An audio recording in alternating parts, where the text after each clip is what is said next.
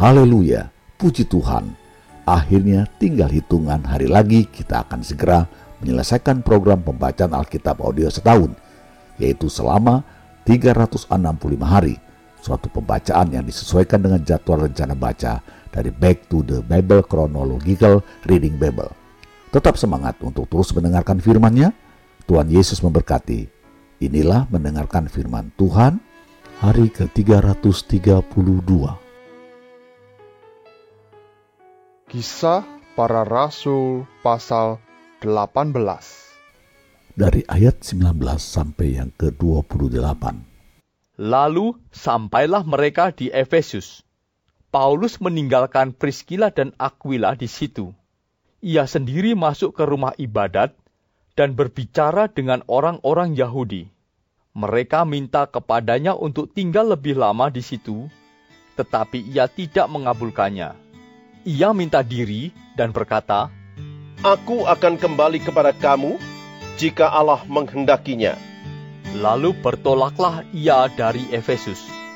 Ia sampai di Kaisarea dan setelah naik ke darat dan memberi salam kepada jemaat, ia berangkat ke Antioquia. Setelah beberapa hari lamanya ia tinggal di situ, ia berangkat pula.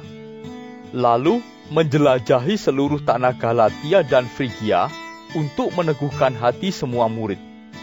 Sementara itu, datanglah ke Efesus seorang Yahudi bernama Apolos yang berasal dari Alexandria. Ia seorang yang fasih berbicara dan sangat mahir dalam soal-soal kitab suci. Ia telah menerima pengajaran dalam jalan Tuhan. Dengan bersemangat, ia berbicara dan dengan teliti ia mengajar tentang Yesus.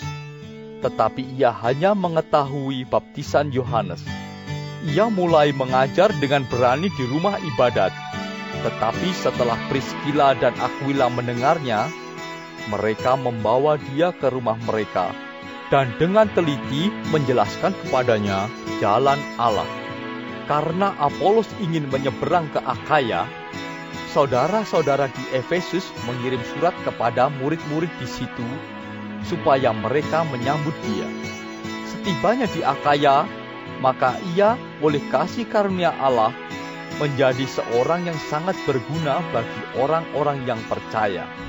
Sebab dengan tak jemu-jemunya, ia membantah orang-orang Yahudi di muka umum dan membuktikan dari kitab suci bahwa Yesus adalah Mesias.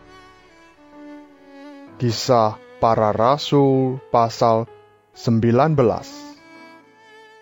Ketika Apolos masih di Korintus, Paulus sudah menjelajah daerah-daerah pedalaman dan tiba di Efesus. Di situ didapatinya beberapa orang murid. Katanya kepada mereka, Sudahkah kamu menerima roh kudus ketika kamu menjadi percaya? Akan tetapi mereka menjawab dia, Belum. Bahkan kami belum pernah mendengar bahwa ada Roh Kudus.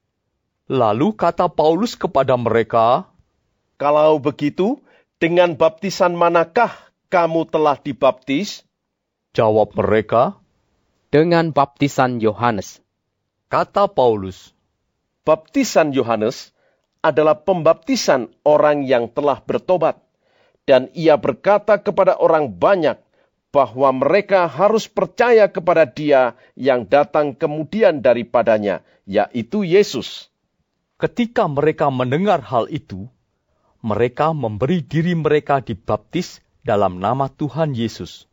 Dan ketika Paulus menumpangkan tangan di atas mereka, turunlah Roh Kudus ke atas mereka, dan mulailah mereka berkata-kata dalam bahasa roh dan bernubuat. Jumlah mereka adalah kira-kira 12 orang. Selama tiga bulan, Paulus mengunjungi rumah ibadat di situ dan mengajar dengan berani. Oleh pemberitaannya, ia berusaha meyakinkan mereka tentang kerajaan Allah. Tetapi ada beberapa orang yang tegar hatinya. Mereka tidak mau diyakinkan, malahan mengumpat jalan Tuhan di depan orang banyak. Karena itu, Paulus meninggalkan mereka dan memisahkan murid-muridnya dari mereka, dan setiap hari berbicara di ruang kuliah Tiranus. Hal ini dilakukannya dua tahun lamanya, sehingga semua penduduk Asia mendengar firman Tuhan, baik orang Yahudi maupun orang Yunani. Oleh Paulus, Allah mengadakan mujizat-mujizat yang luar biasa. Bahkan, orang membawa sabut tangan atau kain yang pernah dipakai oleh Paulus dan meletakkannya atas orang-orang sakit. Maka lenyaplah penyakit mereka dan keluarlah roh-roh jahat. Juga beberapa tukang jampi Yahudi yang berjalan keliling di negeri itu mencoba menyebut nama Tuhan Yesus atas mereka yang kerasukan roh jahat dengan berseru, katanya, Aku menyumpai kamu demi nama Yesus yang diberitakan oleh Paulus.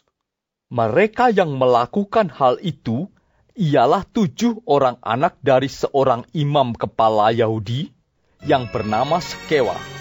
Tetapi roh jahat itu menjawab, Yesus aku kenal, dan Paulus aku ketahui. Tetapi kamu, siapakah kamu? Dan orang yang dirasuk roh jahat itu menerpa mereka dan menggagahi mereka semua dan mengalahkannya, sehingga mereka lari dari rumah orang itu dengan telanjang dan luka-luka. Hal itu diketahui oleh seluruh penduduk Efesus, baik orang Yahudi maupun orang Yunani, maka ketakutanlah mereka semua, dan makin masyurlah nama Tuhan Yesus. Banyak di antara mereka yang telah menjadi percaya datang dan mengaku di muka umum bahwa mereka pernah turut melakukan perbuatan-perbuatan seperti itu.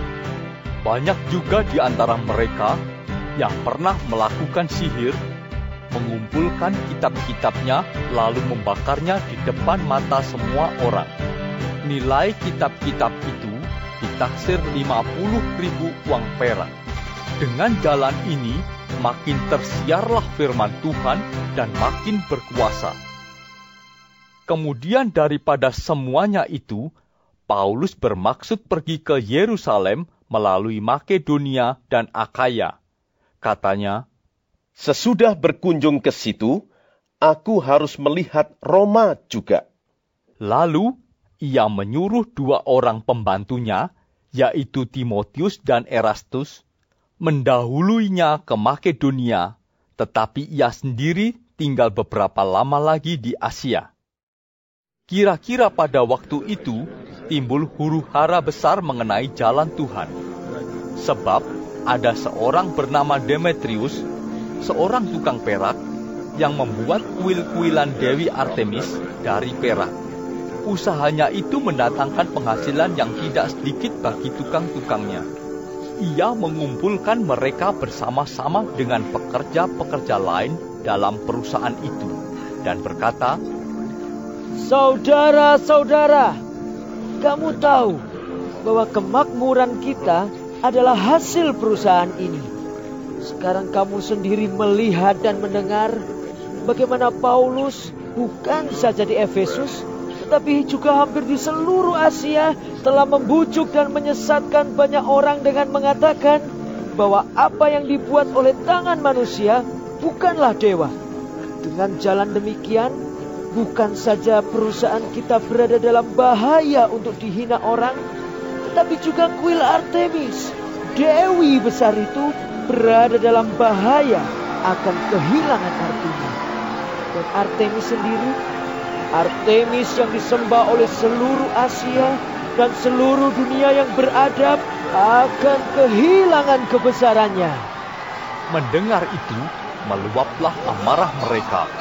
Lalu mereka berteriak-teriak, katanya, Besarlah Artemis, dewi orang Efesus.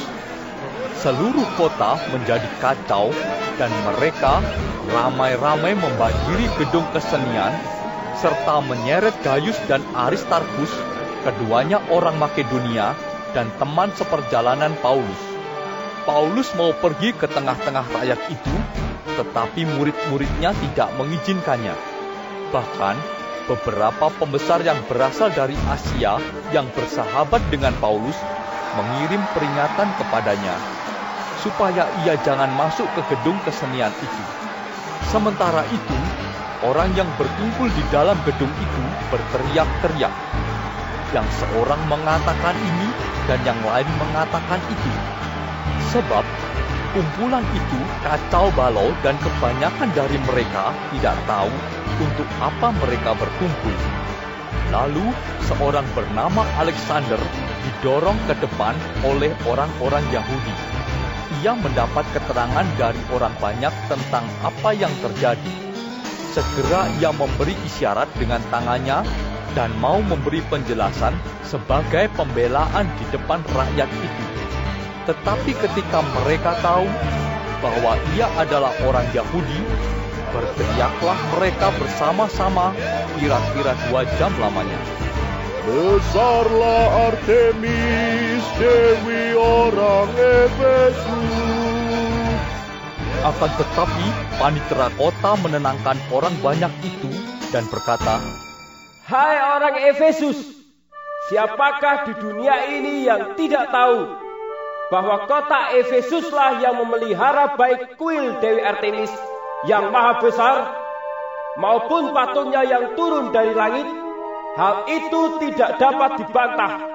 Karena itu, hendaklah kamu tenang dan janganlah terburu-buru bertindak.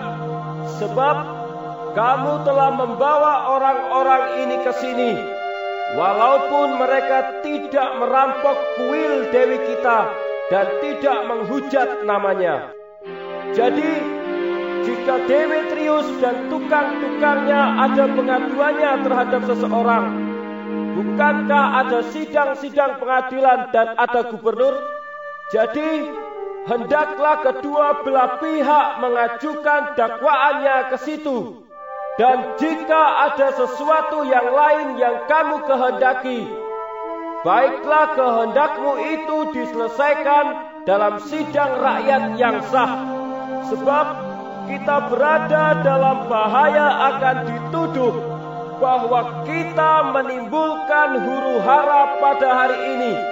Karena tidak ada alasan yang dapat kita kemukakan untuk membenarkan kumpulan yang kacau balau ini. Dan dengan kata-kata itu, ia membubarkan kumpulan rakyat itu. Tetap semangat untuk terus mendengarkan firman-Nya. Tinggal beberapa waktu lagi kita akan segera menyelesaikannya. Sampai jumpa esok hari. Tuhan Yesus memberkati.